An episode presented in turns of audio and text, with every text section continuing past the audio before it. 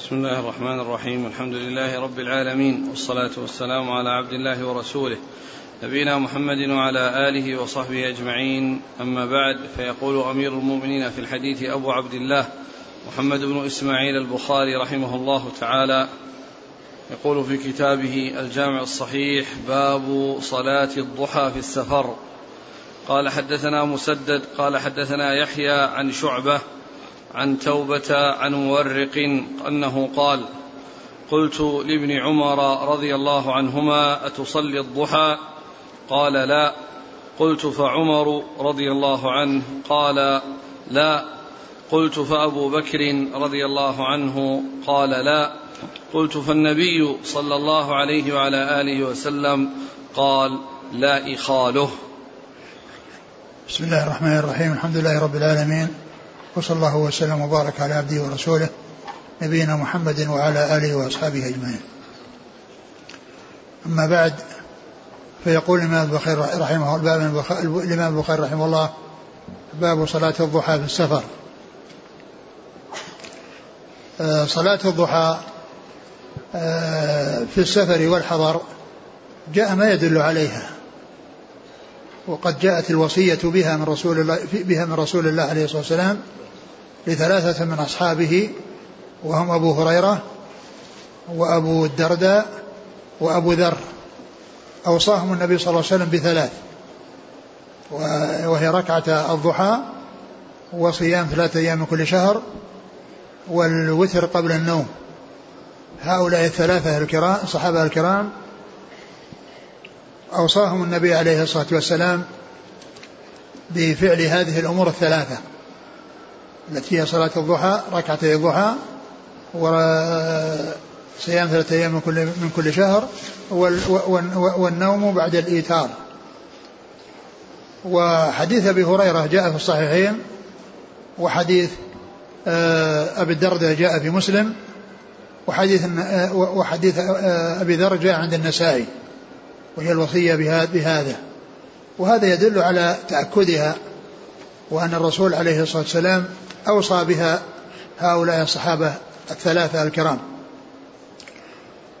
أما ما يتعلق بفعله فقد جاء في بعض الأحاديث الدلالة على حصول صلاة الضحى والضحى في السفر وذلك في حديث مهاني وكذلك أيضا آه، جاء في آه، يعني في بعض الأحاديث و آه، جاء ذكر ذلك عن رسول الله عليه الصلاة والسلام في حديث مهاني الذي عام الفتح وقال إنها سبحة الضحى. وقد جاء في بعض الأحاديث الأخرى أيضا ما يدل على أن الرسول صلى الله عليه وسلم صلاها وأنه صلى أربعا ويزيد على ذلك وكان يزيد على ذلك. وهذا الذي ذكره ابن عمر رضي الله عنه لأنه هذا الذي هذا الذي انتهى إليه وعلمه عن رسول الله عن عن رسول الله وعن هؤلاء الصحابة. فقال إنه لا يصلي وكذلك أبو بكر وعمر وعثمان. لا أبو بكر وعمر والنبي صلى الله عليه وسلم. أبو بكر والرسول قال لا إخاله. يعني لا إخاله أنه فعل ذلك. يعني لا أظن لا إخال لا أظن. وغيرهم من الصحابة رضي الله عنهم أثبتوا وجاء عنهم ذلك فيما يدل من قوله وفعله. وفيما يتعلق بحديث مهاني فيه دلالة على ما ترجمه المصنف وهو الصلاة في السفر لأنه كان مسافرا وكان في وكان في مكة صلوات الله وسلامه وبركاته عليه. وعمر ابن عمر أخبر عما علمه وغيره أخبر عما علمه. نعم. قال حدثنا مسدد ابن مسرهد عن يحيى ابن سعيد القطان. عن شعبة ابن الحجاج عن توبة. عن توبة بن توبة بن كيسان العنبري. توبة. توبة بن كيسان العنبري البصري. نعم عن مورق. العجلي. عن ابن عمر. نعم قال حدثنا آدم قال حدثنا شعبة قال حدثنا عمرو بن مرة قال سمعت عبد الرحمن بن أبي ليلى يقول ما حدثنا أحد أنه رأى النبي صلى الله عليه وآله وسلم يصلي الضحى غير أم هانئ رضي الله عنها فإنها قالت إن النبي صلى الله عليه وعلى آله وسلم دخل بيتها يوم فتح مكة فاغتسل وصلى ثمان ركعات فلم أر صلاة قط أخف منها غير أنه يتم الركوع والسجود.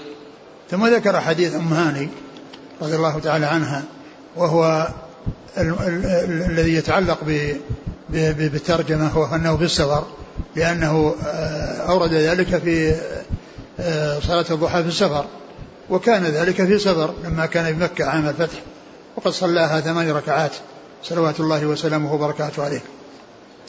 فهو وعبد الرحمن بن أبي يقول لم أعلم ذلك إلا عن أم هاني وهذا يعني على حسب علمه وإلا فإنه جاء عن غير عن غير أم هاني. كما ذكر ذلك الحافظ في الفتح. نعم. قال حدثنا آدم ابن أبي ياس. عن شعبة عن عمرو بن مرة نعم. عن عبد الرحمن بن أبي ليلى نعم. عن أم هانئ. نعم. قال رحمه الله تعالى باب من لم يصلي الضحى ورآه واسعا. قال حدثنا آدم قال حدثنا ابن أبي ذئب عن الزهري عن عروة عن عائشة رضي الله عنها أنها قالت ما رأيت رسول الله صلى الله عليه وآله وسلم سبح سبحة الضحى وإني لأسبحها. ثم ذكر باب من لم يسبح سبحة الضحى ورأى ذلك واسعا. يعني لم يسبح سبحة الضحى يعني لم يأتي بصلاة الضحى ورأى ذلك واسعا. وقد أخبر وذكر حديث عائشة عن النبي صلى الله عليه وسلم أنه أنها ما كانت ما كانت رأت نفسها يصلي سبحة الضحى وإنها لتفعلها وإنها لتفعلها وهذا لا يكون إلا في الحضر. ما ما ذكر الحضر؟ هنا ترجمة. باب من لم يصلي الضحى ورآه واسعا نعم. باب من لم يصلي الضحى ورآه واسعا. يعني أن الأمر في ذلك واسع لأنها لم ترى النبي صلى الله عليه وسلم آه، يسبح تلك الصلاة وإنها لتفعلها ومعلوم أن فعلها إن, إن, إن ما هو يعني ليس من عندها وإنما هو بإقرار الرسول صلى الله عليه وسلم لها نعم. قال حدثنا آدم عن ابن أبي ذئب محمد بن عبد الرحمن عن الزهري عن عروة عن عائشة نعم. قال رحمه الله تعالى باب صلاة الضحى في الحضر قاله عتبان بن مالك رضي الله عنه عن النبي صلى الله عليه وآله وسلم قال حدثنا مسلم بن إبراهيم قال أخبرنا شعبة قال حدثنا عباس الجريري هو ابن فروخ عن أبي عثمان النهدي عن أبي هريرة رضي الله عنه أنه قال أوصاني خليلي بثلاث لا أدعهن حتى أموت صوم ثلاثة أيام من كل شهر وصلاة الضحى ونوم على وتر. ثم ذكر باب صلاة الضحى في الحضر وأورد فيه حديث أبي هريرة المتفق على صحته رواه البخاري ومسلم. وفيه الوصية بهذه الأمور الثلاثة والوصية فيها الحث والترغيب. وهذه الأمور الثلاثة أولها ركعة الضحى. وهذا يدل على أن أن أن صلاة الضحى أقلها اثنتان. والتطوع بواحدة لا يصح ولا يسوغ إلا في الوتر فقط. أما ما عدا ذلك فإنها الزيادة على أقل شيء أقل شيء آه، ركعتان. والزيادة يزاد على ذلك على حسب ما ورد به الأدلة.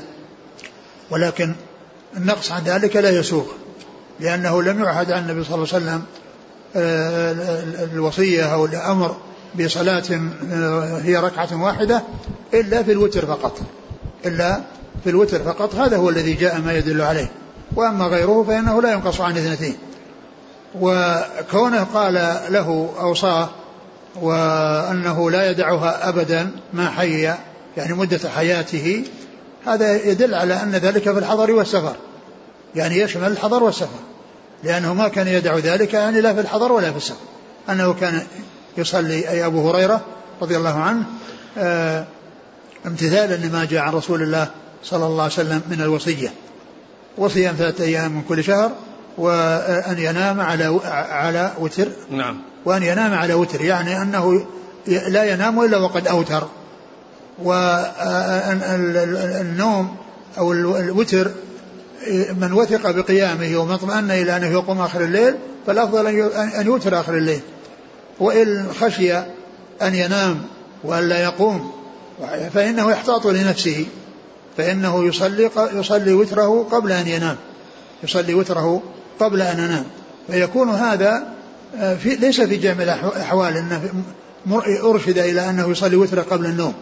وإنما هذا إذا لم يتمكن أو لم يعني يجد أنه يعني متمكن وقادر على أنه يصلي آخر الليل فإنه يصلي أول الليل ويوتر وينام على وتر وينام على وتر. ومن وثق بقيامه فالأفضل أنه يوتر في آخر الليل كما جاءت بذلك الأحاديث عن رسول الله صلى الله عليه وسلم.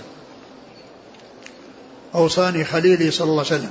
وقوله خليلي هذا لا يعارض ما جاء في حديث جندب بن عبد الله البجلي الذي قال فيه سمعت رسول الله صلى الله عليه وسلم قبل أن يموت بخمس يقول إني أبرأ إلى الله أن يكون لي منكم خليل فإن الله اتخذني خليلا كما اتخذ إبراهيم خليلا ولو كنت متخذا من أمتي خليلا لاتخذت أبا بكر خليلا. لا يعارض هذا لأن هذا الأخبار من أبي هريرة وأنه يخبر أن أن محبة الرسول صلى الله عليه وسلم تخللت قلبه وتمكنت من قلبه. فهذا إخبار من جانب أبي هريرة. وليس وليس من جانب الرسول صلى الله عليه وسلم لأن الرسول ما اتخذ خليلا من أمته. لا أبو بكر ولا أبو هريرة ولا عمر ولا عثمان ولا غيره وإنما أخبر بأنه أنه خليل الله وأنه لو كان متخذا خليلا لكان المتخذ أبا بكر. لكان المتخذ أبا بكر. فإذا لا تنافي بين ما جاء في حديث أبي هريرة من وصي من قوله عن نفسه أنه خليل, خليل الرسول صلى الله عليه وسلم وما جاء من نفي الرسول عليه الصلاة والسلام أن يكون خليلا لأحد وأنه لو كان لو كان متخذا خليلا لكان الحق بذلك ولولا بذلك أبو بكر رضي الله تعالى عنه. فإذا لا تعارض ولا تنافي بين هذا وهذا لأن هذا محمول إلى جهة أبي هريرة وحديث آه، جندب محمول من جهة الرسول صلى الله عليه وسلم. قال حدثنا مسلم بن إبراهيم الفراهيدي عن شعبة عن عباس الجريري هو نعم. ابن فروخ نعم. عن أبي عثمان النهدي نعم. عن أبي هريرة نعم. قال حدثنا علي بن الجعد قال أخبرنا شعبة عن أنس بن سيرين قال سمعت أنس بن مالك الأنصاري رضي الله عنه أنه قال قال رجل من الأنصار وكان ضخما للنبي صلى الله عليه وسلم إني لا أستطيع الصلاة معك. فصنع للنبي صلى الله عليه وسلم طعاما فدعاه إلى بيته ونضح له طريف ونضح له طرف حصير بماء فصلى عليه ركعتين. وقال فلان بن فلان ابن جارود لأنس رضي الله عنه أكان النبي صلى الله عليه وسلم يصلي الضحى فقال ما رأيته صلى غير ذلك اليوم. ثم ذكر باب. نفس الباب باب صلاة الضحى في الحضر. نعم باب صلاة في أوله قاله عتبان بن مالك عن النبي صلى الله عليه وسلم. عتبان رضي الله عنه هذا حديثه جاء في مواضع كثيرة ولكنه هنا أشار إليه إشارة.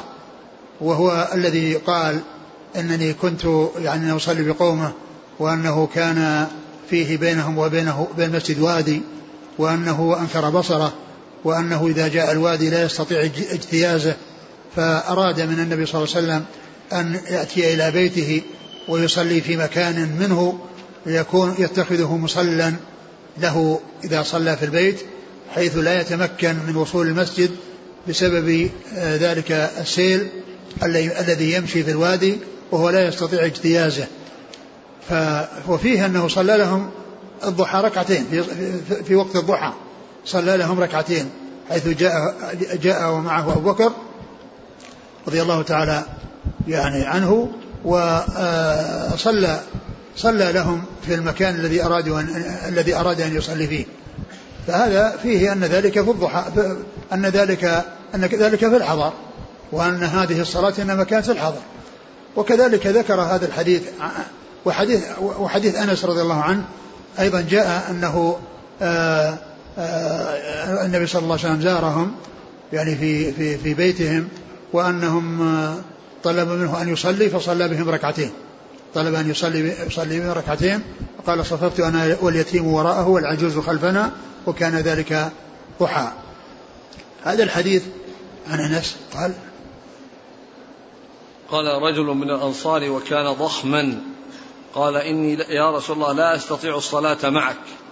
فصنع للنبي صلى الله عليه وسلم طعاما فدعاه إلى بيته ونضح له طرف حصير بماء فصلى عليه ركعتين.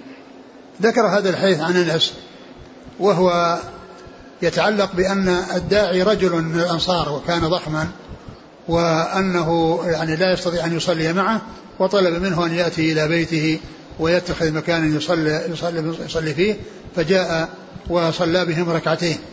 وقال إنه آه، يعني آه، أتى إلى حصير قد يعني قد اسود من طول ما لبس يستعمل فنضحه. وهذا جاء في قصة مجيء النبي صلى الله عليه وسلم إلى إلى بيت أنس وصلاته. يعني آآ هو وأمه خلف رسول الله صلى الله عليه وسلم ومعهم صبي حيث قال صففت أنا واليتيم وراءه والعجوز خلفنا. فهذا يعني الذي ذكر فيه من من نضح الحصير. يعني هذا جاء في حديث أنس. لكن هذا الحديث يفيد بأنه الذي دعا رجل ضخم. وقد ذكر الحافظ فتح أنه عتبان بن مالك أو أنه قال بعضهم من عتبان بن مالك. ولكن الفرق بين يعني التعليل في هذا وفي هذا مختلف. يعني مالك قال أنكرت بصري وفي وادي وكان يؤم قومه وأما هذا أنه لا يستطيع ان يأتي ليصلي معه. فجاء وصلى. ولكن الذي ذكر في حديث أنس يعني وأن الحديث عن أنس يعني فيه ان أن ذلك حصل في بيت أنس وأنه صلى آه، بهم وهما ثلاثة الرسول صلى الله عليه وسلم. وهما أربعة الرسول صلى الله عليه وسلم هو الإمام وأنس واليتيم معه وأمه وهي, وهي العجوز. كانت صفا واحدا كانت صفا وحدها آه، خلفهم. نعم. قال حدثنا علي بن الجعد. نعم. عن شعبة عن أنس بن سيرين عن أنس بن مالك الأنصاري. نعم. وفيه قال فلان بن فلان بن جارود لأنس رضي الله عنه أكان النبي صلى الله عليه وسلم يصلي الضحى فقال ما رأيته صلى غير ذلك اليوم. يعني هذا كانت الصلاة في الضحى. كانت الصلاة في الضحى. يقول السائل متى يبدأ وقت صلاة الضحى ومتى ينتهي؟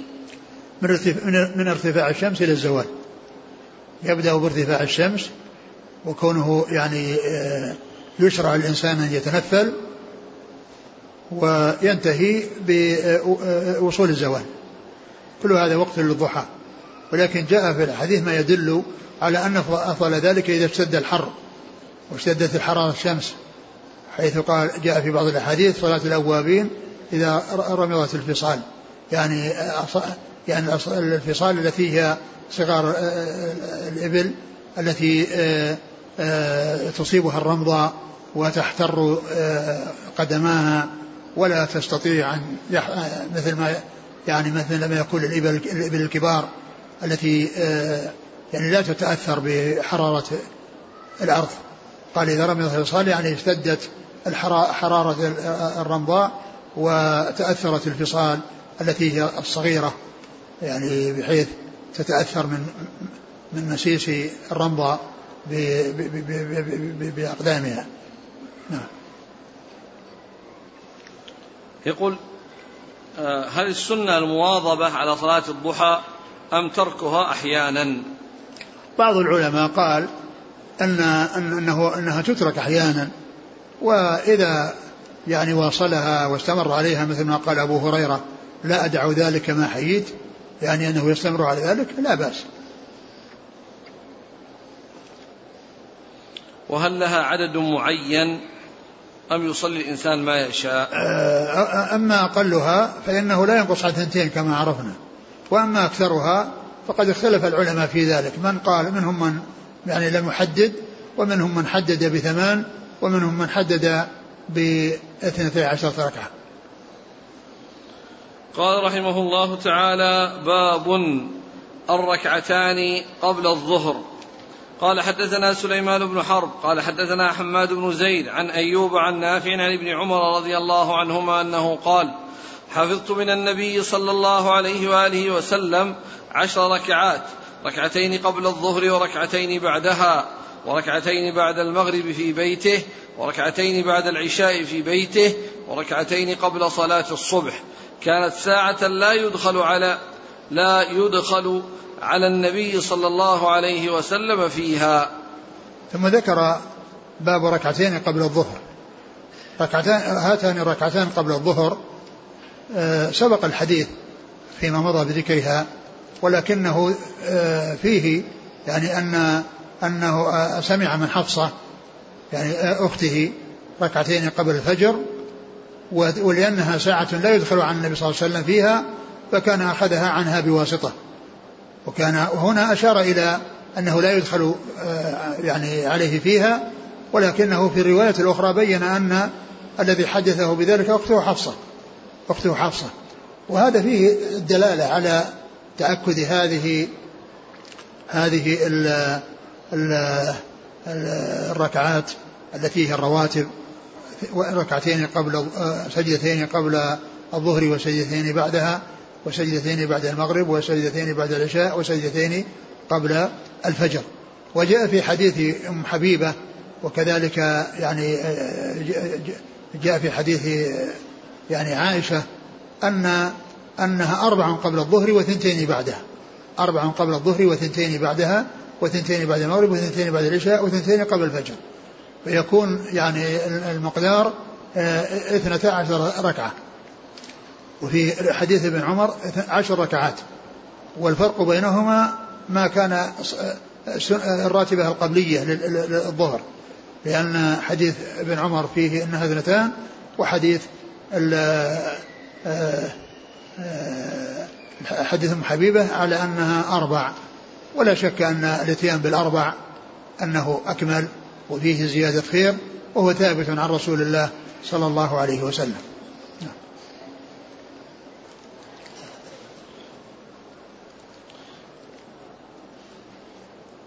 قال حدثنا سليمان بن حرب عن حماد بن زيد عن أيوب عن نافع عن ابن عمر.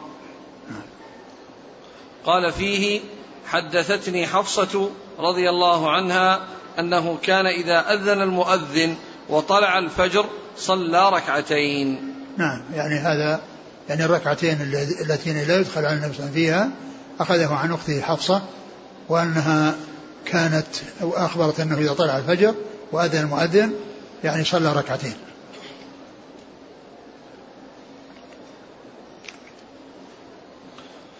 قال حدثنا مسدد قال حدثنا يحيى عن شعبة عن إبراهيم بن محمد بن المنتشر عن أبيه عن عائشة رضي الله عنها أن النبي صلى الله عليه وآله وسلم كان لا يدع أربعا قبل الظهر وركعتين قبل الغداة.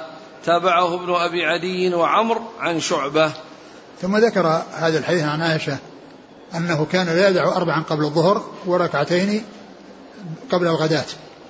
قبل الظهر أربعا وقبل الغداة ركعتين يعني قبل صلاة الفجر ركعتين.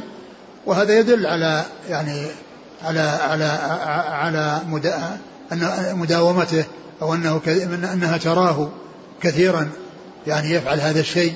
ولا تنافي بين ما جاء عن ابن عمر وما جاء. فيمكن أن يكون هذا في بعض الأحوال وهذا في بعض الأحوال.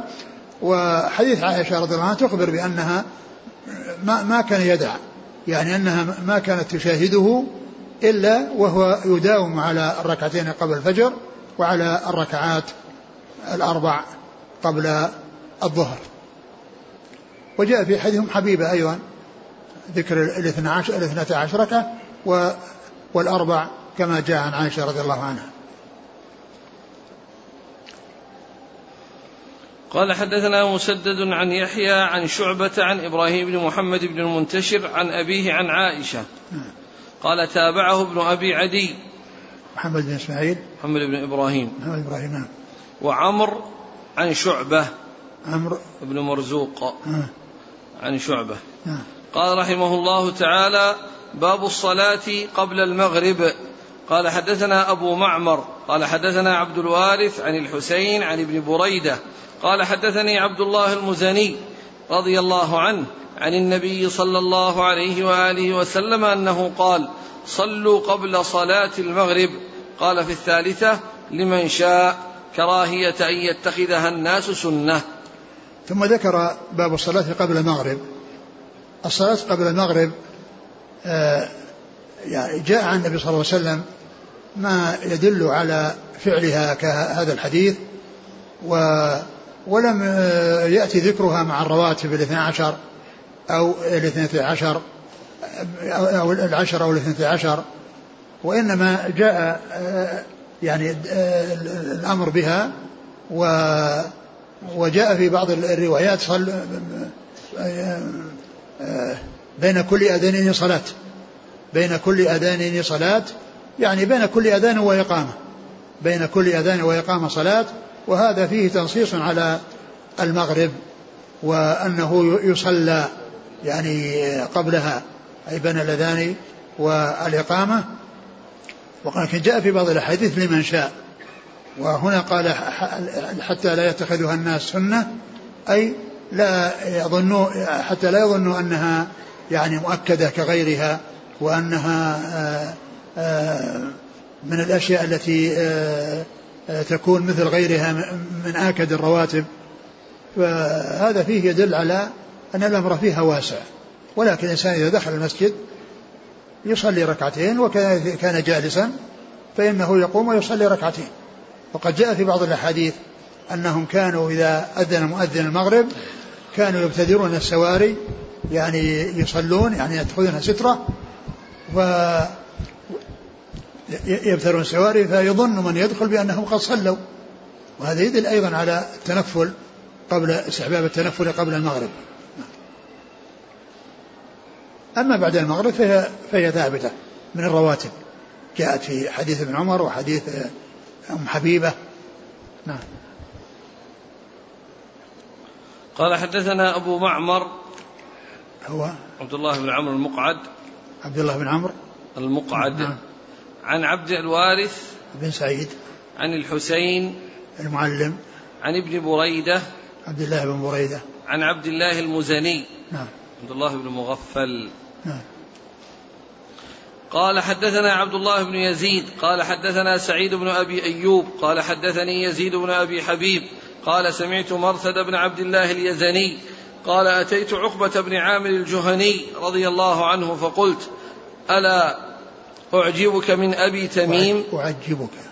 ألا أعجبك. ضبطان لها. ها؟ ذكر ضبطين لها. إيش؟ ذكر ضبطين. ضبطها في الحاشية بالتثقيل وبالأصل أعجبك. من أبي تميم؟ هو في الشرح قال أعجبك عند الشرح. وهكذا ضبطت في رواية أبي ذر بالتشديد. ألا أعجبك من أبي تميم يركع ركعتين قبل صلاة المغرب؟ فقال عقبة إنا كنا نفعله على عهد رسول الله صلى الله عليه وسلم. قلت فما يمنعك الآن؟ قال الشغل. أعد الحديث. ألا أعجبك؟ من أبي تميم يركع ركعتين قبل صلاة المغرب. فقال عقبة إنا كنا نفعله على عهد رسول الله صلى الله عليه وسلم. قلت فما يمنعك الآن؟ قال الشغل. ثم ذكر قال كنا قال كنا. في أوله إيه؟ أتيت عقبة بن عامر الجهني فقلت ألا أعجبك من أبي تميم يركع ركعتين قبل صلاة المغرب؟ فقال عقبة إنا كنا نفعله على عهد رسول الله صلى الله عليه وسلم. آه نعم. يعني هذا أيضا يتعلق بصلاة المغرب والصلاة قبلها وأن وأن أبا تميم يعني كان يصلي ركعتين قبل المغرب وقال عقبة إنا كنا نفعلها. قال فما يمنعه؟ قال الشغل يعني أنه آه، يأتيه يعني من المشاغل. ما يعني ويمكن أن يكون هذا يعني في بعض الأحوال يعني وليس دائما يعني يكون يأتي متأخرا. وأنه يعني لا يتمكن من أدائها ولكنه يفيد بأنه بأن ذلك أن هذا سائغ وأنهم كانوا يفعلونه وأنهم كانوا يفعلونه وقد جاءت السنة فيه عن رسول الله صلى الله عليه وسلم. ونعم الإسناد. قال حدثنا عبد الله بن يزيد.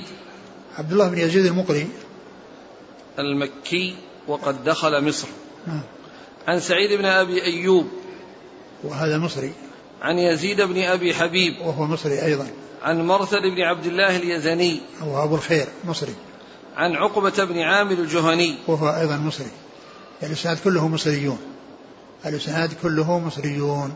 يعني على اعتبار أن الأول أنه ليس هو مكي ولكنه دخل مصر. يعني باعتبار أنه دخل مصر يعني وينسب إليها فيكون آه الإسناد كل من اوله إلى اخره مسلسل بالمصريين وقد يأتي آه في في بعض النسخ أحيانا التصحيح بين البصريين والمصريين لأن النسب نسبة المصري والبصري متقاربة فأحيانا يأتي في صحيح في صحيح البخاري في في فتح الباري أحيانا يأتي ذكر يعني آه، آه، مصري بدل المصريين بدل البصريين أو البصريين بدل المصريين. ألا أعجبك من أبي تميم؟ نعم. أبي تميم هذا يعني هذا هو هو هو تابعي. عبد الله بن مالك الجيشاني. إيه عبد الله بن مالك الجيشاني. الجيشاني؟ نعم. نعم. ويعني هذا ليس ليس له رواية. له ليس له رواية. شفت؟ تابعي كبير مخضرم. نعم. أسلم في عهد النبي صلى الله عليه وسلم وقرأ القرآن على معاذ بن جبل. نعم. ثم قدم في زمن عمر فشهد فتح مصر وسكنها. نعم. قال ابن يونس وقد عده جماعة في الصحابة لهذا الإدراك. ولم يذكر المزي في التهذيب أن البخاري أخرج له وهو على شرطه فيرد عليه بهذا الحديث. آه الشيخ رحمه الله علق على هذا في الفتح. قال ليس الرد عليه بظاهر لأن البخاري رحمه الله لم يخرج عن أبي تميم هنا خبرا مرفوعا ولا موقوفا وإنما وقع ذكره في أثناء الرواية من غير احتجاج به والله أعلم. آه، إيش قال قال شوف الكلام الأول اللي علق عليه الشيخ. يقول آه، الحافظ ولم يذكر المزي في التهذيب أن البخاري أخرج له وهو على شرطه فيرد عليه بهذا الحديث. المزي يعني أحيانا يعلم للبخاري إذا كان قد ذكر قد ذكر يعني فيه يعني مجرد الذكر. فلعل هذا مقصود الحافظ بن حجر لأنه كان مثل مثل الحديث ذاك الذي آه، آه، إذا مرض العبد وسافر كتب له ما كان يعمله صحيح مقيم أخرجه البخاري في كتاب الجهاد.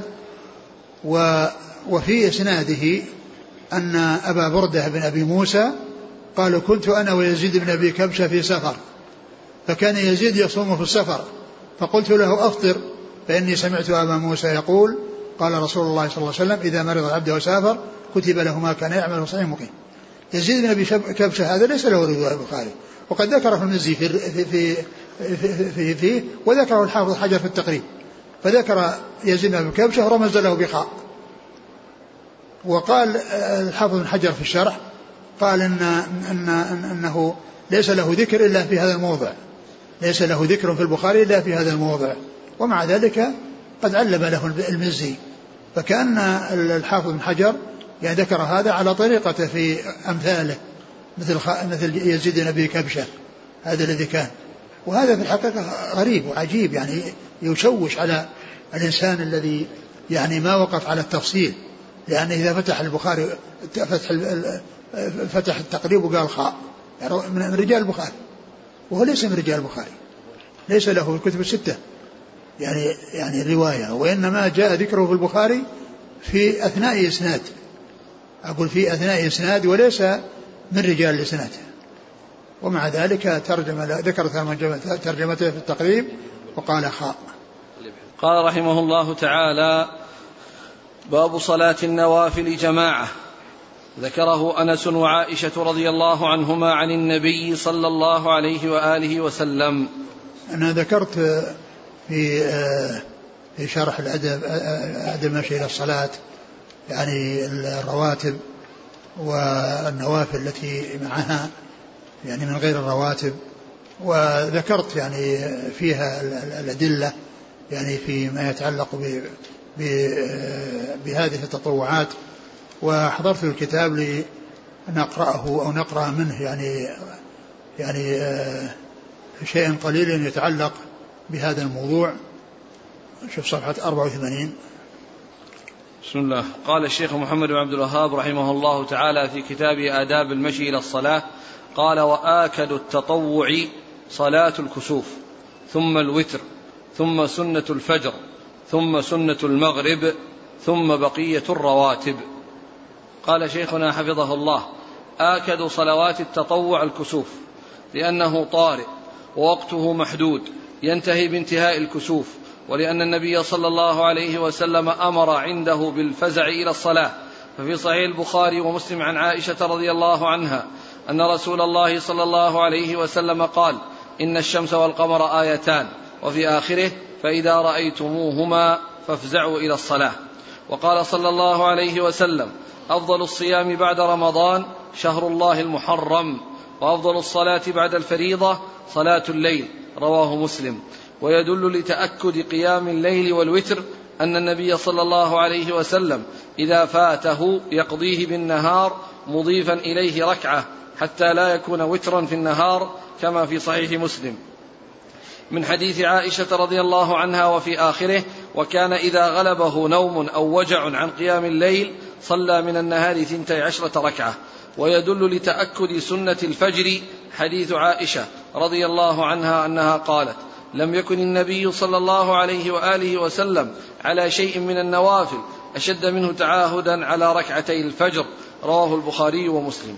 وبقية الرواتب هي أربع قبل الظهر واثنتان بعدها واثنتان بعد العشاء ويدل لها حديث أم حبيبة رضي الله عنها في صحيح مسلم. عن النبي صلى الله عليه وسلم أنه قال من صلى اثنتي عشرة ركعة في يوم وليلة بني له بهن بيت في الجنة. رواه الترمذي. وزاد أربعا قبل الظهر. وركعتين بعدها. وركعتين بعد المغرب. وركعتين بعد العشاء. وركعتين قبل صلاة الفجر صلاة الغداة وقال حديث حسن صحيح.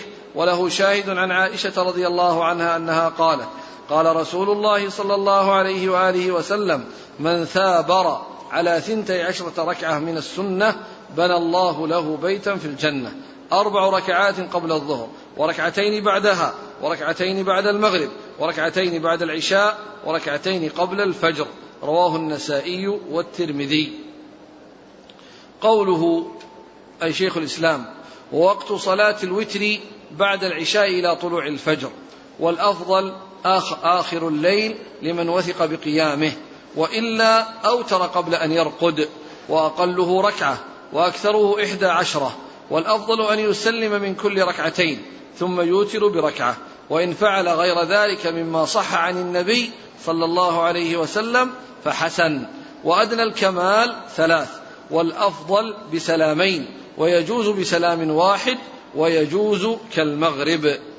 قال شيخنا حفظه الله وقت صلاة الوتر يبدأ من صلاة العشاء ولو كانت مجموعة إلى المغرب وينتهي بطلوع الفجر.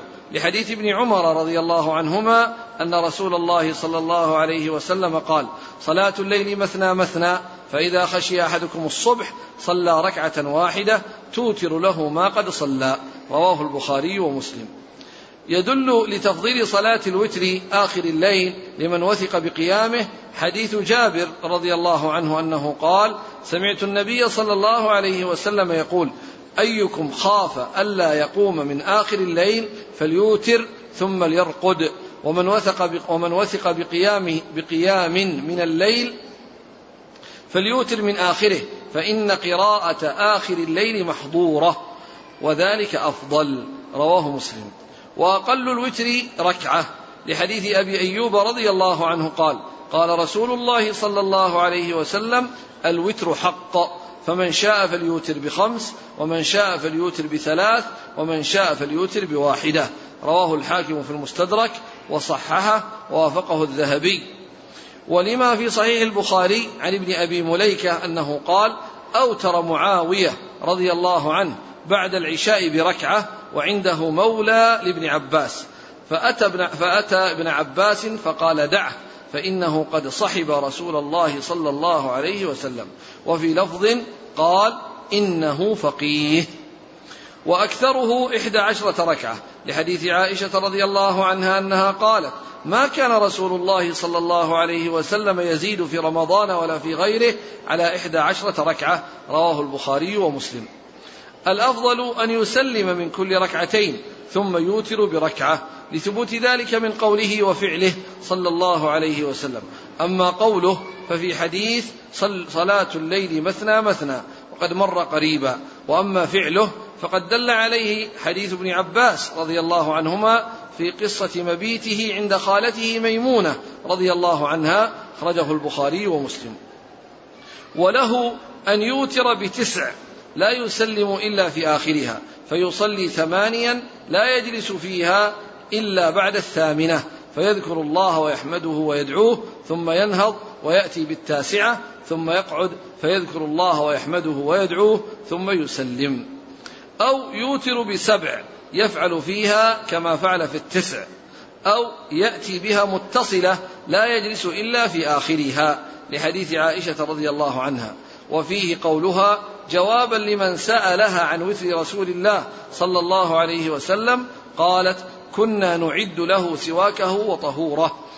فيبعثه الله ما شاء أن يبعثه من الليل فيتسوك ويتوضأ ويصلي تسع ركعات لا يجلس فيها إلا في الثامنة فيذكر الله ويحمده ويدعوه ثم ينهض ولا يسلم ثم يقوم فيصلي التاسعة ثم يقعد فيذكر الله ويحمده ويدعوه ثم يسلم تسليما يسمعنا ثم يصلي ركعتين بعدما يسلم وهو قاعد. فتلك إحدى عشرة ركعة يا بني. فلما أسن نبي الله صلى الله عليه وسلم وأخذه اللحم أوتر بسبع وصنع في الركعتين مثل صنيعه الأول. فتلك تسع, فتل فتلك تسع يا بني. رواه مسلم.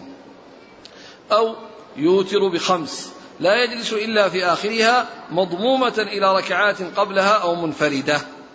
لحديث عائشة رضي الله عنها أنها قالت كان رسول الله صلى الله عليه وسلم يصلي من الليل ثلاث عشرة ركعة. يوتر من ذلك بخمس لا يجلس في شيء إلا في آخرها رواه مسلم.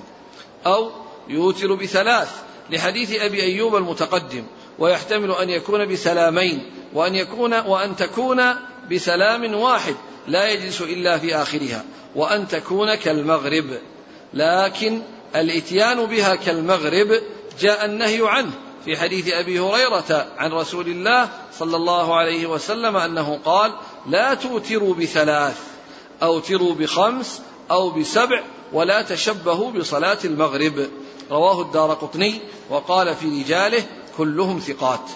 ويجمع بين ما جاء من الإيتار بثلاث في حديث أبي أيوب المتقدم وحديث النهي عن الإيتار بثلاث بحمل النهي على مشابهة المغرب والجواز على ما سوى ذلك.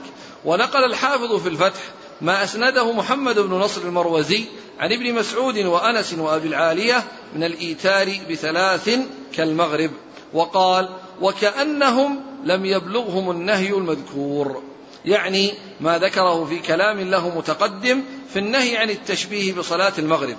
وانظر لتوضيح الإيتار بثلاث لا يجلس إلا في آخرها التعليق المغني على الدار قطني للعظيم أبادي. قوله أي شيخ الإسلام والسنن الراتبة عشر وفعلها في البيت أفضل وهي ركعتان قبل الظهر وركعتان بعدها وركعتان بعد المغرب وركعتان بعد العشاء وركعة الفجر ويخفف ركعتي الفجر ويقرأ فيهما بسورتي الإخلاص أو يقرأ في الأولى بقوله تعالى قولوا آمنا بالله وما أنزل إلينا. الآية التي في البقرة. وفي الثانية قل يا أهل الكتاب تعالوا إلى كلمة سواء بيننا وبينكم. الآية وله فعلها راكبا. قال شيخنا حفظه الله. هذه السنن الراتبة العشر جاءت في حديث عبد الله بن عمر رضي الله عنهما أنه قال حفظت من النبي صلى الله عليه وسلم عشر ركعات. ركعتين قبل الظهر وركعتين بعدها وركعتين بعد المغرب في بيته وركعتين بعد العشاء في بيته وركعتين قبل صلاة الصبح وكانت ساعة لا يدخل على النبي صلى الله عليه وسلم فيها. رواه البخاري واللفظ له ومسلم. وقد مر قريبا في حديث عائشة وأم حبيبة رضي الله عنهما أنها اثنتا عشرة ركعة بزيادة ركعتين قبل الظهر. أداء الرواتب في البيت أفضل من أدائها في المسجد لحديث زيد بن ثابت رضي الله عنه وفيه فصلوا أيها الناس في بيوتكم فإن أفضل الصلاة صلاة المرء في بيته إلا المكتوبة. رواه البخاري ومسلم. يدل لتخفيف ركعتي الفجر حديث عائشة رضي الله عنها أنها قالت كان النبي صلى الله عليه وسلم يخفف الركعتين اللتين قبل صلاة الصبح حتى إني لأقول هل قرأ بأم الكتاب؟ رواه البخاري ومسلم. ويدل لقراءة لقراءة سورتي الإخلاص فيهما حديث أبي هريرة رضي الله عنه رواه مسلم. ولقراءة آيتي البقرة وآل عمران حديث ابن عباس رضي الله عنهما ورواه مسلم. رواه مسلم. رواه مسلم.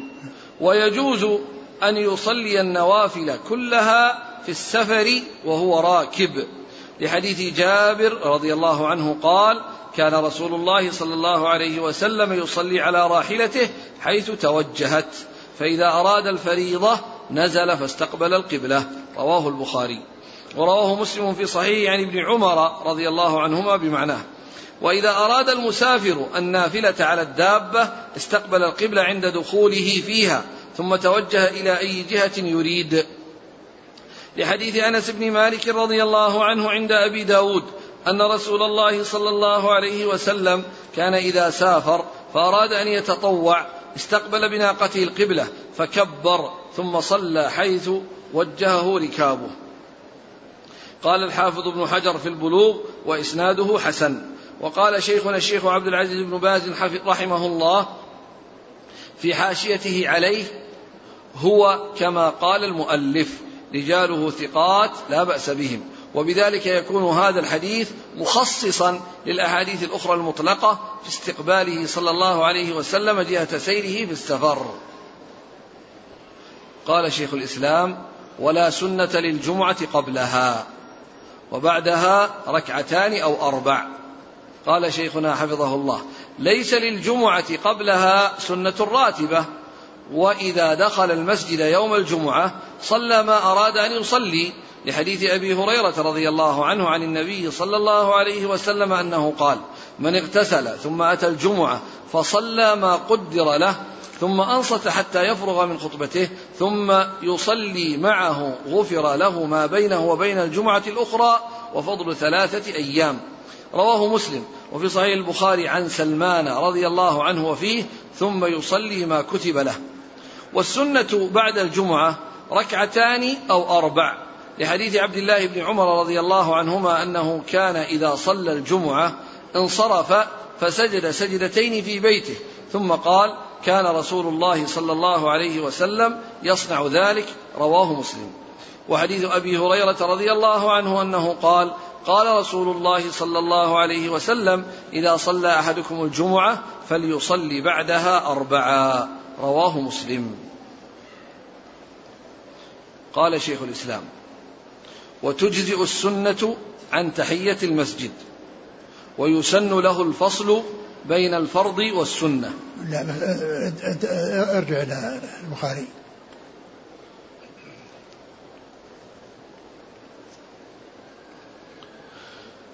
قال البخاري رحمه الله تعالى باب صلاة النوافل جماعة.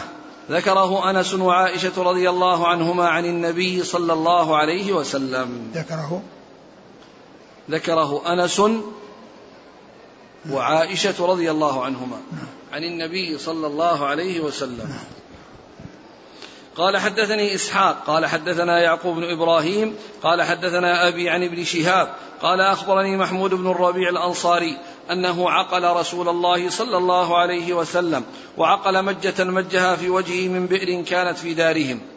فزعم محمود أنه سمع عتبان بن مالك الأنصاري رضي الله عنه وكان ممن شهد بدرا مع رسول الله صلى الله عليه وسلم يقول كنت أصلي لقومي ببني سالم. وكان يحول بيني وبينهم واد إذا جاءت الأمطار فيشق علي اجتيازه. قبل مسجدهم فجئت رسول الله صلى الله عليه وسلم فقلت له إني أنكرت بصري وإن الوادي الذي بيني وبين قومي يسيل إذا جاءت الأمطار فيشق علي اجتيازه فوددت أنك تأتي فتصلي من بيتي مكانا أتخذه مصلى. فقال رسول الله صلى الله عليه وآله وسلم سأفعل سأفعل. فغدا علي رسول الله صلى الله عليه وآله وسلم وأبو بكر رضي الله عنه بعدما اشتد, بعدما اشتد النهار. فاستأذن رسول الله صلى الله عليه وآله وسلم فأذنت له فلم يجلس حتى قال أين تحب أن أصلي من بيتك؟ فأشرت له إلى المكان الذي أحب أن أصلي فيه فقام رسول الله صلى الله عليه وسلم فكبر. وصففنا وراءه فصلى ركعتين ثم سلم وسلمنا حين سلم فحبسته على خزير يصنع له فسمع أهل الدار رسول الله صلى الله عليه وسلم في بيتي فثاب رجال منهم حتى كثر الرجال في البيت فقال رجل منهم ما فعل مالك لا أراه؟ فقال رجل منهم ذاك منافق لا يحب الله ورسوله. فقال رسول الله صلى الله عليه وآله وسلم لا تقل ذاك ألا تراه قال لا إله إلا الله يبتغي بذلك وجه الله. فقال الله ورسوله أعلم. أما نحن فوالله لا نرى وده ولا حديثه إلا إلى المنافقين. قال رسول الله صلى الله عليه وآله وسلم فإن الله قد حرم على النار من قال لا إله إلا الله يبتغي بذلك وجه الله. قال محمود فحدثتها قوما فيهم أبو أيوب صاحب رسول الله صلى الله عليه وسلم في غزوته التي توفي فيها ويزيد بن معاوية عليهم بأرض الروم فأنكرها علي أبو أيوب قال والله ما أظن رسول الله صلى الله عليه وآله وسلم قال ما قلت قط فكبر ذلك علي. قال ما قلت ما أظن رسول الله صلى الله عليه وسلم قال ما قلت قط فكبر ذلك علي. فجعلت لله علي إن سلمني حتى أقفل من غزوتي أن أسأل عنها عتبان بن مالك رضي الله عنه إن وجدته حيا في مسجد قومه فقفلت فأهللت بحجة أو بعمرة ثم سرت حتى قدمت المدينة فأتيت بني سالم. فإذا عتبان شيخ أعمى يصلي لقومه فلما سلم من الصلاة سلمت عليه وأخبرته من أنا ثم سألته عن ذلك الحديث فحدثنيه كما حدثنيه أول مرة. ثم ذكر باب صلوات صلاة النوافل جماعة. يعني أن صلاة النوافل يمكن أن تؤدى جماعة وتؤدى جماعة في ما وردت فيه مثل صلاة التراويح. فإن صلاة التراويح أنها آه، سنة مؤكدة و آه، والرسول صلى الله عليه وسلم كان كان صلاها جماعة في في مسجده ثلاث ليالي ليلتين أو ثلاثا ثم إنه ترك ذلك خشية أن تفرض ثم بعد ذلك آه، لما آه، توفي رسول الله صلى الله عليه وسلم واستقرت الشريعة ولم يكن هناك مجال لأن تفرض وأن يأتي وحي لأن الوحي انقطع من السماء بوفاة الرسول صلى الله عليه وسلم. ف, ف... فأعاد الناس وجمعهم الناس على على صلاة التراويح وهي سنة تشرع لها الجماعة والإتيان بها جماعة أفضل من الإتيان بها بالبيوت لأن هذه شعيرة من الشعائر جاءت الشريعة في جاءت السنة بمشروعيتها بفعل الرسول صلى الله عليه وسلم وأنه لم يمنعه من ذلك إلا خشية الفرض ولما توفي الرسول صلى الله عليه وسلم زال, زال ما يخشى فعاد عمر رضي الله عليه عليه الناس جمع الناس عليها على على صلاة التراويح. وأما الصلوات الأخرى فإذا كان تعمد أو قصد أن أن تؤدى يعني صلاة جماعة وتواعد الناس على ذلك وعملوا شيئا لم يأتي عن الرسول صلى الله عليه وسلم فإن هذا غير غير مشروع. لكنه إذا جاء عرضا أو جاء اتفاقا من غير أن يتواعد الناس عليه وأن يكون كأنه سنة ثابتة عن رسول الله صلى الله عليه وسلم فإن ذلك لا بأس به. وقد أورد هذا الحديث الذي فيه قصة عتبان بن مالك رضي الله عنه وأنه كان آه، يؤم قومه في بني سالم وأن بينه وبين المسجد واد يسيل في بعض الأحيان وأنه إذا سال لا يتمكن من اجتيازه وأيضا قد ضعف ضعف بصره حيث قال أنكرت بصري فطلب منه أن يأتي إلى بيته ليصلي في مكان يتخذه مصلى يعني يصلي فيه. فوعده فجاء إليه عليه الصلاة والسلام جاء عليه الصلاة والسلام ومعه أبو بكر يعني في يوم من الأيام في الضحى. وعندما دخل طلب منه أن يبين له المكان الذي يريد أن يصلي فيه فصلى فيه وقال صففنا وراءه. فهذه نافلة. هذه نافلة من النوافل وقد حصلت جماعة مع رسول الله صلى الله عليه وسلم في بيت آه، عتبان بن مالك رضي الله عنه. وهذا محل الشاهد من إيراد الحديث في هذا في, في هذا الباب. الذي هو باب صلاة النوافل لجماعة لأن الرسول صلى الله عليه وسلم صلى بهم جماعة.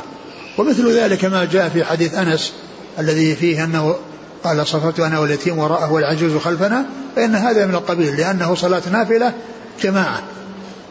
صلاة نافلة جماعة. ف وكان آه آه وكان أول محمود قال عقل الرسول صلى الله عليه وسلم نعم محمود بن ربيع. وكان صحابيا صغيرا. يعني عمره يعني خمس سنوات. وتوفي رسول, الله صلى الله عليه وسلم وهو صغير. وهو عندما حدث بهذا الحديث يحدث يعني عن رسول عن عن, عن عتبان بن مالك لأنه صغير يروي عن عن الصحابة. والصحابة مراسيلهم حجة. يعني ليست كمراسيل التابعين. وفيه يعني التحمل يعني آه، آه، وفيه رواية الصحابي عن الصحابي وذكر أنه كان يعني صغير وكان يعقل الرسول صلى الله عليه وسلم وعمره خمس سنوات وأنه يذكر أن الرسول أخذ بفمه ماء من دلو في, آه، في من بئر عندهم فمجها في وجهه صلى الله عليه وسلم يداعبه عليه الصلاة والسلام. فكان يذكر يعني وأن هذا حصل في حال الصغر. ويذكر ذلك وعمره خمس سنين. يذكر ذلك وأن هذا حصل وعمره خمس سنوات. ثم إنه غزا. يعني مع يعني في في الجيش الذي بإمارة يزيد بن معاوية في زمن زمن أبيه وكانوا ذهبوا إلى إلى إلى القسطنطينية. وكان محمود بن ربيع رضي الله عنه في الجيش الذي غزا القسطنطينية في زمن معاوية وكان أميره يزيد بن معاوية وفيهم أبو أيوب الأنصاري رضي الله عنه وقد وقد آه، توفي هناك ودفن يعني في في, في القسطنطينية. وفي آه، حديث هذا الحديث أن أن الرسول عليه الصلاة والسلام لما دخل على آه، في بيت عتبان وقد سمع أهل الدار أي أهل الحي. الحي لأن الحي يقال له دار. يعني كما أنه يطلق على الدار الخاصة وهي بيت الإنسان الخاص به فيطلق على الحي. ولهذا جاء في الحديث دور الأنصار. دور الأنصار في أحسن دور الأنصار دار آل فلان ثم آل فلان وفي في دور الأنصار خير. فالمقصود بالدار الدور الدار الحي. سمع أهل الدار أهل الحي. قال فجاء رجال يعني من الحي حتى يعني كثر الناس. في ذلك وكانوا حبسوه على طعام يصنع له صلى الله عليه وسلم. وكانوا يتحدثون فيما بينهم وقالوا إن أين فلان مالك بن درشم؟ اين اين أين فلان؟ فقال يعني ذاك انه أنه لا يحب الله ورسوله. قال رجل منهم ذلك منافق لا يحب قال رجل لما قال أين فلان؟ يعني فقدوه. قال أين أين فلان؟ قالوا يعني قال رجل منهم من الحاضرين إنه لا يحب الله ورسوله وأن وجهته إلى المنافقين. فالرسول عليه الصلاة والسلام قال لا تقل هذا لا تقل هذا أما, أما علمت؟ أما أما سمعت؟ ألا تراه قال لا إله إلا الله يبتغي بذلك وجه الله؟ ألا تراه قال لا إله إلا الله يبتغي بذلك وجه الله؟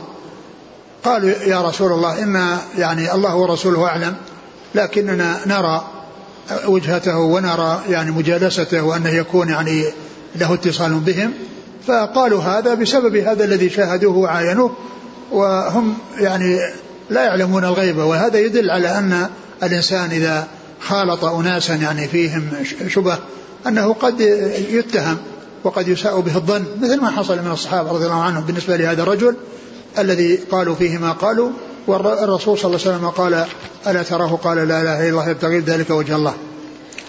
فحدث محمود بن الربيع بهذا الحديث في في القسطنطينية هناك يعني في الجيش الذي كان فيه آه، أبو, أبو أيوب فاستنكر هذا واستغربه وقال إن هذا لا يقوله الرسول صلى الله عليه وسلم فكبر ذلك عليه وشق عليه كونه أنكر عليه وأن فآل على نفسه أو نذر أن, أن سلمه الله وأن يرجع إذا سلمه الله أنه إذا رجع يذهب إلى عتبان ويتحقق منه من هذا الكلام الذي حصل.